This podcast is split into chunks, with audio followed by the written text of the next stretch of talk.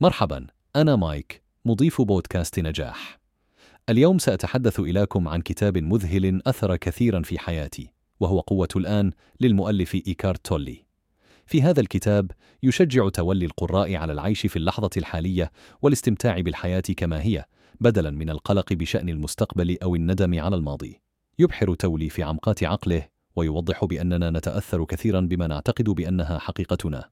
يصف هذا بأنه الهوية المزيفة التي نصنعها لأنفسنا وهي المحفز الرئيسي للألم والعذاب في حياتنا. أحد أكبر الدروس التي يمكن تعلمها من قوة الآن هو تعلم كيف نكون على اتصال أكبر مع أنفسنا.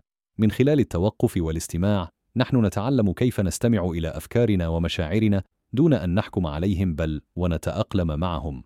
إن العقل البشري مدهش ولكنه يمكن أن يكون مضللا أيضا. نحن نستخدمه ليروي لنا القصص عن أنفسنا والعالم من حولنا التي ليست بالضرورة صحيحة. فالهجومين على مركز التجارة العالمي سبب للجميع ألم كبير ودمار واسع.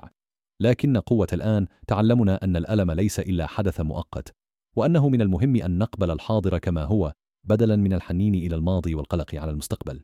كتاب قوة الآن هو أكثر من مجرد كتاب هو دليل يمكن أن يستخدمه أي شخص لإعادة توجيه حياته نحو سعادة أكبر وأكثر انسجاما.